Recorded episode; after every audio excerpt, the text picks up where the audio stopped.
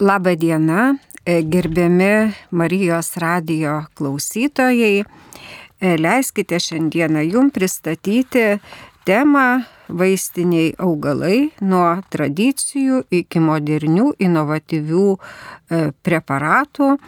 Šią laidą vesiu aš, Ona Ragažinskinė, Vitauto didžiojo universiteto botanikos sodo, mokslo skyriaus, vaistinių ir prieskoninių augalų mokslo sektoriaus vedėja, gamtos mokslų fakulteto profesorė, nacionalinės veikatos tarybos narė, dabar laikinai vaduojanti pirmininką ir pastaruoju metu dirbanti e, iškelioje grupėje nacionalinio sveikatos susitarimo.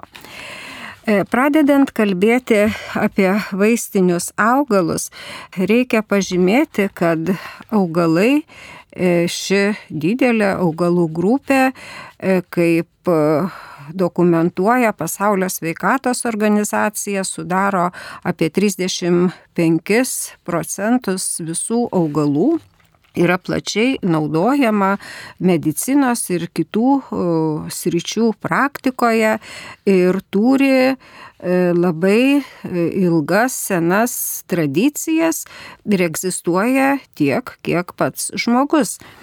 Ir šiandieną aš e, noriu su jumis pasidalinti išvalgomis, kaip senieji mąstytojai, filosofai, humanistai žiūrėjo, koks jų buvo požiūris į vaistinius augalus, naudojimą ir vad būtent tos idėjos jos yra išlikusios iki šių dienų.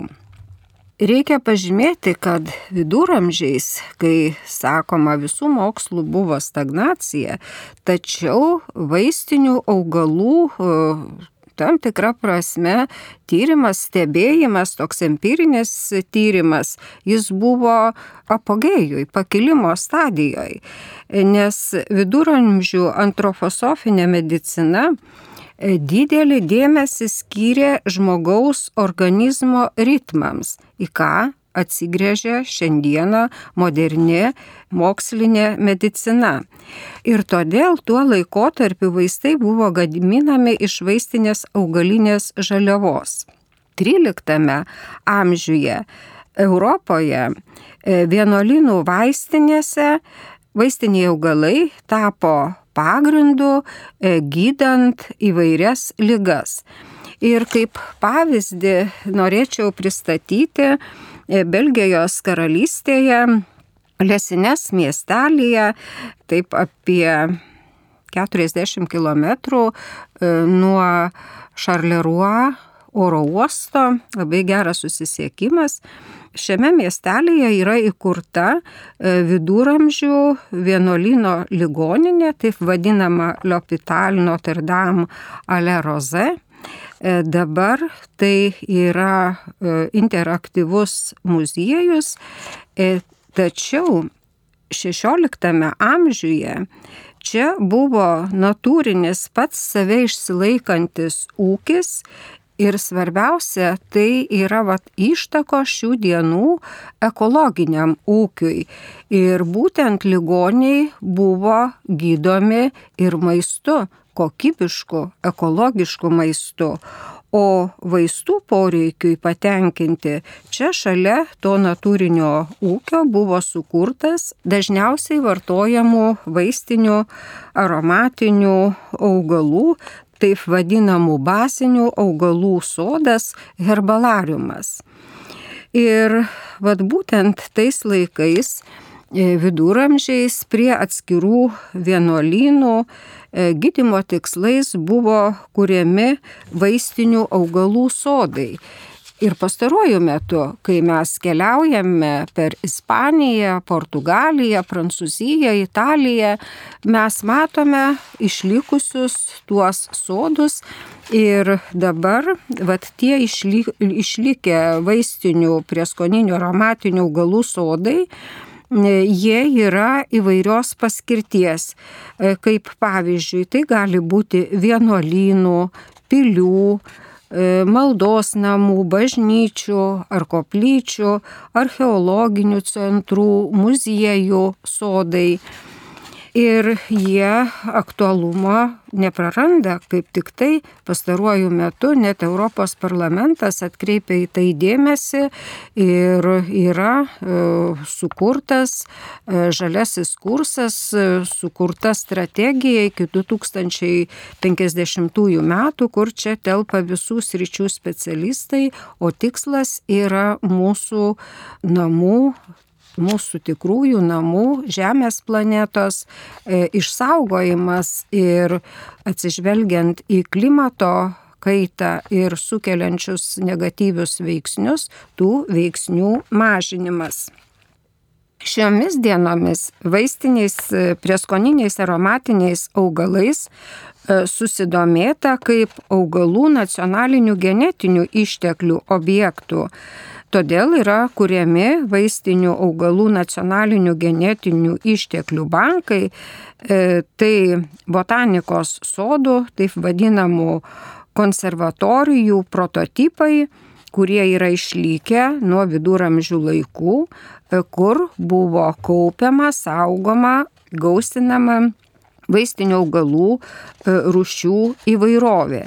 Lietuvoje taipogi mes turime unikalią vaistinių augalų kolekciją Vytauto didžiojo universiteto botanikos sodo vaistinių ir prieskoninių augalų mokslo sektoriuje, kuri yra kuriama nuo 1924 metų ir yra objektas studijų, mokslo, projektinės veiklos, rekreacijos, visuomenės švietimo. Ir kaip matome, kitais metais būtent minėsime e, vaistinių augalų tyrimų ir kolekcijos, mokslinės kolekcijos kūrimo šimtmetį. Toliau pristatant e, tą reikšmę vaistinių augalų istoriją, reikia pažymėti, kad 17 e, amžiaus pabaigos vaistiniai prieskoniniai aromatiniai augalai e, domino tuo laikotarpiu įvairių sričių specialistus. Analogišką tendenciją mes stebime ir dabar. O kodėlgi domino? O jau domino todėl, kad e, suprasta, kad gydomąjį efektą duoda vienokios ar kitokios biologiškai veikliosios medžiagos. Ir ypatingai 17 e, amžiuje susidomėta E, grupe kvapiųjų taip vadinamų, tai yra e, grupė vaistinių augalų, e, kuriuose kaupėsi lakieji biologiškai veiklieji junginiai, įvairios grupės, tame tarpe ir eteriniai aliejai. Ir vad būtent tie aromatiniai dariniai, jie skleidžia ne tik aromatą, bet jie turi ir farmakologinį poveikį žmogaus organizmui. Ir iki dabar va, ši grupė augalų e, dažnai yra naudojama ne tik mūsų kasdieninėme ūkyje, e, tačiau e, maistui gaminti, bet ir maisto pramonėje, kosmetikos pramonėje, odontologijoje, o pastaruoju metu e, skinasi kelią ir veterinarijos praktikoje. Reikia pažymėti, kad 12 amžiuje pradėta biologiškai veikliųjų tų lakiųjų e, junginių distiliacija, jinai aktualumo nepraranda ir iki šių dienų ir yra plačiai taikoma e, medicinos e, praktikoje įvairioms procedūroms, inhalacijoms, garų vonioms ir smilkalams gaminti. Pastaruoju metu labai populiarūs kosmetologijoje hidrolatai. Tai matom, praėjo ilgą istoriją, tik aišku, naujos technologijos dėgiamos, jeigu tai yra pramoniniu būdu, o jeigu tai yra maži kiekiai, tai paprasčiausiai distiliuojama ir ruošiamos vat, įvairios formos, kurias jau žmonės žinojo 12-13 amžiuje. Ir vad kaip tik tai viduramžiais nuo tų laikų mes žinome keletą įžymių mąstytojų, kurie savo mintis E, užrašė ir perteikė ir jos yra tokios aktualios, kad jos yra ir šiandieną mūsų ir skaitomos ir net praktiškai taikomos. Tai e, leiskite pasidalinti mintimis apie keletą garsių mąstytojų. E, vienas toks tai yra taip vadinamas pranašas Mišelis Dionosterdamas. E, kuris vėliau jau Renesanso laikotarpiu bendravo su botaniku, taip vadinamu alchemiku Paracelsu. E, ir būtent jie jau žinodami aromatinių augalų, eterinių aliejų, e, antiseptinės savybės, tai panaudojo maro epidemijos metu kaip e, būtent gydytojo apranga, maro gydytojo apranga e, su snapu. Ir tame snape kaip tik buvo įdėta preparatai iš vaistinių aromatinių augalų, dažniausiai pagal lokalizacijos vietą, ar tai gvaizdikėlių, ar tai levandų, ar tai arbatmedžio, ar kitas eterinis aliejus, kuris pasižymėjo labai stipriomis antiseptinėmis savybėmis tam, kad vat, būtent gydytojas galėtų save apsaugoti nuo to baisaus sukėlėjo maro epidemijos metu ir galėtų pagelbėti žmonėms. Tai vad buvo naudojama kaip antiseptinė priemonė e, gydimo tikslais. Ir reikia pažymėti, kad e, šio laikinė aromoterapija yra pagrista būtent eterinių aliejų praktiniu pritaikymu e, lygų prevencijai ir gydimo tikslams. O kalbant apie paracelsą, tai mokslininkas, labai įdomus mąstytojas. Jis lankėsi ir Lietuvoje.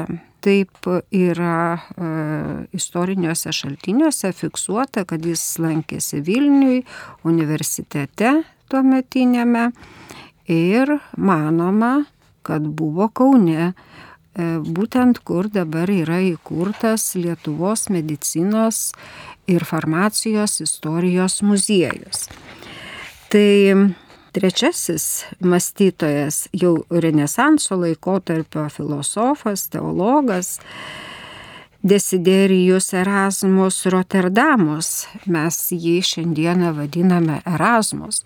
Ir studentam E, dėstytojam tai labai gerai žinoma pavardė ir su tuo yra susiję įvairūs projektai dėstytojų mainų, studentų, mokymosi, mokymo vizitai keitimasis tarp universitetų studentais, e, įvairūs vizitai organizuojami, žinių apsikeitimas.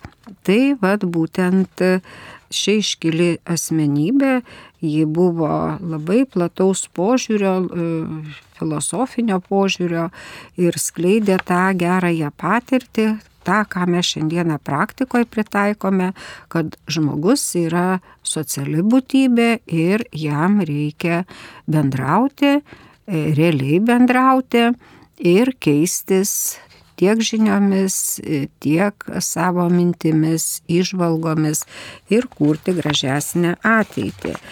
Pratesant mintį apie mąstytoją e, Erasmus, reikia pažymėti, kad jo yra išlikę daug raštų.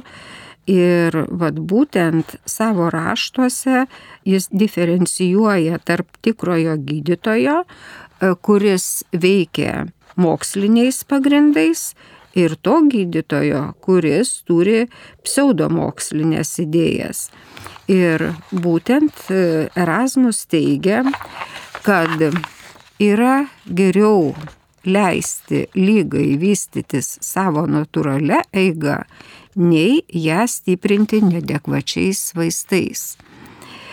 Erasmus jau tuo laikotarpiu įspėja apie e, neracionalaus vaistų vartojimo pavojų žmogaus sveikatai ir net gyvybei. O šiuo laiku mes matome įvairios pasaulinės su sveikata susijusios organizacijos, kaip pasaulio sveikatos organizacija, Tarptautinė farmacijos federacija, EMA, Europos vaistų agentūra e, leidžia tiesiog vadovus vaistininkam, e, gydytojam nuorodas, rekomendacijas dėl racionalaus vaistų vartojimo. Ir mes turime 21 amžiaus problemą, rezistentiškumą. Tai jau tuo laikotarpiu matome, kad apie neracionalų vaistų vartojimą Erasmus Renesanso laikotarpiu suprato ir tiesiog žmonija perspėjo apie pavojus jos veikatai ir net gyvybei. Erasmus yra susitikęs ir su Paracelsu. Teko Briuselio karališkoje bibliotekoje raštus e, skaityti ir jie e, susitikę yra užrašyta leidiniuose, vad būtent iš jų pokalbių e, išriškėja, kad to meto mąstytojai suvokė, e, jog žmogaus pasirinktas teisingas gyvenimo kelias, būdas, jis ir nulėmė žmogaus sveikatą ir ilgą amžių. Ir apie tai yra išdėstyta jo veikaluose, bet reikia pasakyti, kad e, šis mąstytojas, jis tai įgyvendino ir praktiškai. Ir leiskite pasidalinti vienu pavyzdžiu. E, Erasmus jis daug keliavo po pasaulį, tačiau nuo 1521 metų jis buvo apsigyvenęs Briuselėje, e, Burgundijos stiliaus name.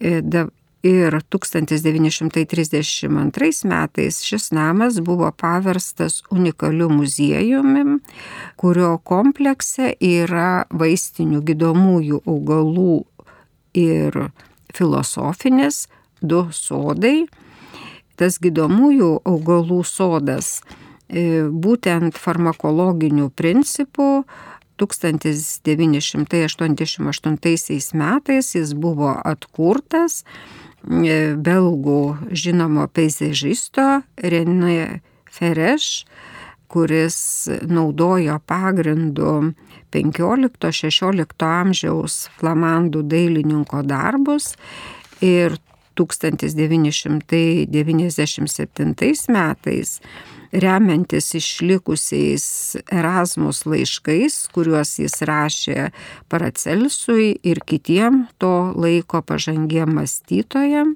būtent tie laiškai, padedant belgų žymiam botanikui Žorž Mes, kurio vardu yra sukurtas pagrindinis Briuselio botanikos sodas, buvo atrinkta vaistiniai, aromatiniai augalai, E, taip 450 taksonų e, žymima e, dokumentuose, kuriuos Erasmus kaip tik tai maro laikotarpiu naudojo šios baisios nelaimės likvidavimui, tačiau jis iš tuos augalus naudojo ir kitų lygų gydimui, kaip inksto akmenlygės, disenterijos, galvos skausmų gydimui. Ir dabar vaistinių augalų e, gydomajame sode, kuris sukurtas farmakologiniu principu pagal lygas, e, yra eksponuojama kaip šimtas augalų. Ir vat būtent galima rasti dabartinėme Erasmus e, gydomųjų augalų sode. Ir vat tai buvo siekiama atkurti žymaus humanisto botaniko portretą ir keletą minčių apie tuos du sodus. filosofinis Erasmus sodas yra padalintas į tokias e, keturias zonas, taip vadinamus filosofinius kambarius, kurių kiekviename e, yra suolelis, ant kurio galėtų lankytojas atsisėsti, nurimti po šių dienų tokių įtemptų lėtinio streso e, laikų ir pasigrožėti supančią nuostabę gamtą ir kontempliuoti. E, filosofinėme sodė, pasak Erasmus, reikia taip pat ir studijuoti, ir pasivaikščioti vienam, kalbantis su artimo žmogumi. Reikia nurimti, nes visi dideli darbai gimsta tyloje.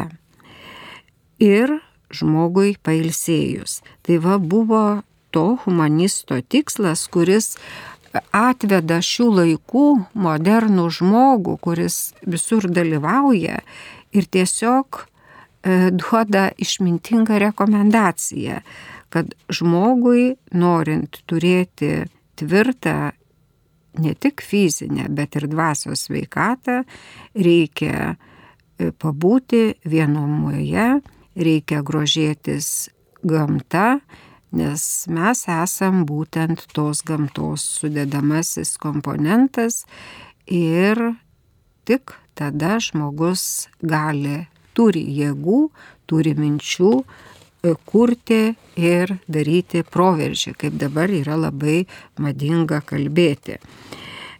Tas e, dar apie tą sodą keletą minčių. Filosofinis sodas, kitaip jis yra išdėstytas, kaip minėjau, e, ne kvadratais kaip vaistinių augalų sodas, o tame filosofinėme e, sode kaip tik atsispindi Erasmus e, kelionių peizažas ir sukurtas iš augalų formų. Ir dabar tas sodas jis nepraranda aktualumo ir reikia pažymėti, kad būtent jis įkvėpia ir šio laikinius menininkus. Čia pastoviai vyksta įvairios parodos ir su gerbiamais Marijos radijo klausytojais noriu pasidalinti tai, ką aš mačiau ir mane nustebino, tai būtent dabar šiame sode vyko žymaus belgų menininko Pierre Alenski darbų paroda ir čia, vat, eksponuojamuose paveiksluose, matyti augalai, jų atskiros dalis, atskiri organai, kurie tampa integrale tų paveikslų dalimi.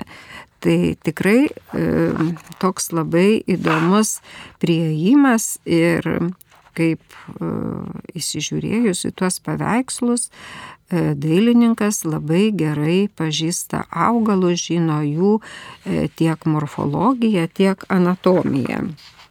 Tęsant pokalbį, reikia pasakyti, kad amžių eigoje žinios apie vaistinius augalus, jos visame pasaulyje, taip ir Lietuvoje, buvo perdodamos iš kartos į kartą, iš lūpų į lūpas ir moksliškai dabar yra išskirtos graikų, arabų, persų, ajurvedos, kinų, tibetiečių, pietų Amerikos, e, indienų medicinos kryptis. Vat būtent šios kryptis padarė didžiausią įtaką Europos moksliniai medicinai. Tai tokia trumpa apžvalga vaistinių augalų tradicijos, tradicinio e, panaudojimo, tai yra empirinio panaudojimo e, nuo seniausių laikų iki XIX e, amžiaus. O XIX amžiuje jau stebinamas vaistinių augalų cheminių savybių renesansas Ir pirmieji augalų cheminių savybių tyrimai e, pradėti su e, augalais, kuriuose kaupėsi alkaloidai.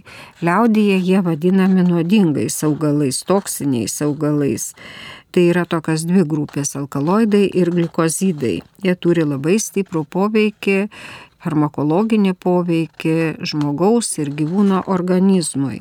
Ir būtent 1804 metais pirmą kartą e, iš aguonų buvo išskirtas pirmiausia tai nustatyta cheminė struktūra ir išskirtas grinas junginys, e, kuris yra medicinos praktikoje vartojamas ir šiandieną kaip vienas stipriausių analgetikų chirurginių intervencijų metu, onkologijos praktikoje. Ir kasgi tai yra? Tai yra morfinas, kuris yra nepakeičiamas, sintetinio nei dariniai neturi tokio efektyvaus farmakologinio poveikio žmogaus lygų atvejais, skausmui malšinti. Tačiau e, ši medžiaga be teigiamo poveikio jinai gali būti pragaištinga ir mes 20-ame, ypatingai pastaruoju metu, 21-ame amžiuje stebime žmonijos rykštę narkomaniją. Tai morfinas vienas iš objektų yra. O 20 amžiaus vidurys, pabaiga, 21 amžiaus pradžia mes stebime cheminių analitinių metodų vystimą, kuris įgalina išskirti ir nustatyti vaistinių augalų biologiškai veikliųjų junginių, įvairių junginių įvairovę ir jų taikymą gydimo tikslais. Ir reikia pasakyti, jeigu anksčiau, e, sakykime, prieš 50 metų, 30 metų e, habilitaciniuose darbuose buvo e, išskirta pagrindinės grupės ir nustatyta keletas darinių, tai buvo labai aukšto lygio darbas pagal to laikotarpio turimą aparatūrą įrangą. Tai dabar mūsų magistrantai net ir bakalaurai, jie jau išskiria eterinio aliejaus dešimtim, net ir šimtais komponentų. Tai rodo, kokia yra cheminių, analitinių metodų vystimosi istorija ir kokia yra jautri, didelės galimybės turinti instrumentinės analizės metodų pritaikymas, vad būtent praktiškai įvertinant tiek vaistinių augalų e, žaliavos, preparatų kiekybę ir kokybę, nes vad būtent vaistiniai augalai ir yra ta priemonė, kuri žmogui naudojama kaip sveikatinamoji priemonė. Ir tai turi atitikti tris parametrus - tai yra kokybė, saugumas ir efektyvumas. Tai e, e, šio laikiniai integruoti ir tarp disciplininiai vaistinių augalų tyrimai atvėrė vaistinės augalinės žaliavos panaudojimą e, daugelįje sričių ir šie tyrimai vykdomi keliomis kryptimis. E, viena iš jų tai yra vaistinių augalų tyrimas eksitų. Antroji kryptis - auginimo technologijų kūrimas, čia pasitelkiant ir biotehnologijas, ir biologiškai veikliųjų junginių e, kaupimosi įvertinimas atskirais vegetacijos tarpsniais, dinamika. Šie tyrimai yra labai svarbus ir mes juos taipogi atliekame, e, nes tai galima prognozuoti apie vaistinės augalinės žaliavos nuėmimo tarpsnį laiką ir pagal tai mes galime prognozuoti pritaikymą įvairiose srityse. Taip pat e, labai yra svarbu augalinių preparatų kūrimas vat, būtent su, su, su šitais tyrimais yra susijęs ir farmakologinių efektų įvertinimas e, in vivo ir in vitro ir aišku iki klinikiniai, klinikiniai tyrimai. Tai yra labai ilgas procesas, jis trunka 15-20 metų ir suprantama, kad tai yra labai brangu. Vat gal todėl pastaruoju metu mes labai mažai turime augalinių vaistinių preparatų, o kuriami yra maisto papildai, kuriem šie reikalavimai nėra taikomi. Tačiau e, reikia pabrėžti, kad pastaruoju metu yra e, ir Europoje kompanijos, kurios e, supranta savo ateitį ilgalaikę, jie orientuojasi taip pat į toksikologinius, iki klinikinius, klinikinius tyrimus tam, kad užsitikrinti e, savo vietą šioje konkurencingoje tokioje e, padėtyje dabar. E, būtent mes išanalizavę vaistinių augalų reikšmę ir jų naudojimą nuo seniausių laikų, šiandien daug mes paminėjom e, žymių viduramžių, renesanso laikų mąstytojų ir jų reikšmę šiai dienai, tai galima teikti, kad yra nustatyta, kad tie vaistiniai augalai ir jų žaliava e, senovėje buvo sėkmingai vartojama gydimui, E, nors jų poveikis buvo suvokiamas skirtingai, nes 20-ame amžiuje labiau atsiskyrė įvairios mokslinės medicinos šakos. O e, dabar, tai vad būtent dabar mūsų tikslas yra kaip tik tai išanalizavus senųjų laikų puoselėtos augalų terapijos pagrindus reikia vystyti šio laikinę moksliniais pagrindais ir metodais pagrista veiksminga, saugia, efektyvia fitoterapija. Ir dabar fitoterapija vis labiau įsilieja į šio laikinę mediciną ir jinai tampa tarsi tokia savarankiška mokslo šaka.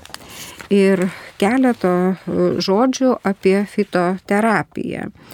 Augaliniai vaistiniai preparatai tai yra biologiškai veikliųjų junginių mišinys, kuris duoda farmakologinį poveikį ir iš vaistinių augalų atskirų organų yra išskirtos e, chemiškai diferencijuotos, biologiškai veikliosios medžiagos ir jos vad būtent tos medžiagos apibrėžia fitoterapijos e, ribas biologiškai veikliosios medžiagos anksčiau buvo išskiriamos iš vaistinių augalų, o dabar jos yra sintetinamos cheminiais, fiziniais metodais, tačiau tai nieko bendro nėra su vaistiniais augalais ir fitoterapija.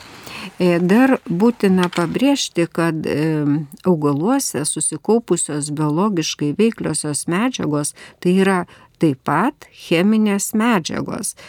Taip pat kaip vat, E, kitas būdas - sintezės būdu gaunamos biologiškai veikliosios medžiagos. Ir e, kodėl mes dažnai teigiame ir tiesiog yra pažymima, kad apie e, preparatų, augalinių preparatų, maisto papildų poveikį žmogaus sveikatai būtina konsultuoti su gydytoju arba vaistininku. Ir tikrai taip yra, nes e, būtent šitos biologiškai veikliosios medžiagos e, ypatingai grupiai asmenų, kurie serga lėtinėmis lygomis, augaliniai preparatai, jų biologiškai veikliosios medžiagos gali būti nesuderinamos su jau gydytojo paskirtais preparatais. Taip pat reikalinga žinoti ir dozė, ir vartojimo laikas, ar prieš valgę, ar valgio metu, ar po valgio. Ir kiti e, medicinos specialistui žinomi e, žinomos rekomendacijos, kurias jis išanalizavęs paciento informacija gali profesionaliai pagelbėti būtent augalinius preparatus kaip priemonė žmogaus lygų prevencijai arba gydimui. Ir fitoterapija kaip tik tyrė vaistinius aromatinius augalus, jų paplitimą, augimo sąlygas ir susikaupusias juose biologiškai veikliuosius junginius, atkreipdama dėmesį į jų įvairovę ir tuo pagrindu yra išskiriama atskirų augalų ypatumai ir e, jų racionalus suderinimas tarpusavyje, jeigu tai yra kompleksiniai e, preparatai. Ir tikslinga yra paminėti vieną taisyklę, kuri ypatingai yra svarbi e, gydant vaistiniais preparatais, tai farmakologinio veikimo pobūdis. E, jis yra skirtingas vartojant vaistinę žaliavą ir preparatus paruoštus iš viso augalo ar atskirų jo organų, vykdant E, būtent vykdant biologiškai veikliųjų junginių atskirų grupių e, ekstrakciją. E, čia jau yra kaip ir cheminis apdorojimas. Ir vad būtent tas farmakologinis poveikis jis kinta, jeigu mes vartojame visą augalą, jame yra viena ar kita grupė pagrindinė biologiškai veikliųjų junginių ir kitos yra lydinčios. O tos lydinčios yra taipogi labai svarbios, todėl kad duoda tą kompleksinį poveikį. Tai e, būtent e, va, į tai, e, kaip kinta E, nuo to plataus bendrojo gydomojo veikimo iki farmakologiškai specializuoto, jeigu yra išskiriamos atskiros grupės. Ta e, apsprendžia gydytojas, vaistininkas, fitoterapeutas, kurie vat, būtent yra ekspertai tos ryties ir jie gali pažiūrėję, išanalizavę paciento esamą lygos istoriją tiesiog e, suderinti, nesuderinamumas vaistų yra vienas iš svarbiausių. Ir taip pat paskirti racionaliai ir teisingai patarti, kaip teisingai vartoti. Vat į tuos pagrindinius veiksnius būtina atkreipti dėmesį. Ir fitoterapija tai kaip e, mokslas turi savo istoriją kuri yra klasikinės medicinos sudėdamoji dalis, o pastaruoju metu matome, kad ji tampa savarankiška medicinos šaka ir fitoterapija yra tik dalis gydimo augaliniais vaistiniais preparatais, tik tai dalis, e, nes sudaro e, fitochemija, fitofarmacija, fitofarmakologija. Ir fitoterapijos galimybės yra e, ganėtinai plačios ir e, apima pagrindę tokias e, keturias indikacijų kategorijas. Aš jas trumpai paminėsiu. Tai pirmoji yra vaist, augalinių vaistinių preparatų um, negalima pakeisti cheminiais preparatais, bet pavyzdžiui, sakykime, toksinės kepenų lygos, senatvinė širdis, taip, prostatos adenoma. Antroji tokia kategorija, kai šie preparatai gali pakeisti cheminius preparatus, pavyzdžiui, nerimo būsenai, specifiniam šlapinimo takų infekcijom. E, trečioji kategorija - tie preparatai gali papildyti pagrindinį e, gydimą kaip kvepavimo takų lygos, respiratorinės per, peršalimo lygos, kai galima naudojantis e, augalinius preparatus gauti teikiamą efektą. Ir ketvirtoji kategorija tai yra preparatai vartojami kai negalima taikyti racionalios terapijos cheminiais preparatais arba esant uždėlstai e, lygai. Bet apie tai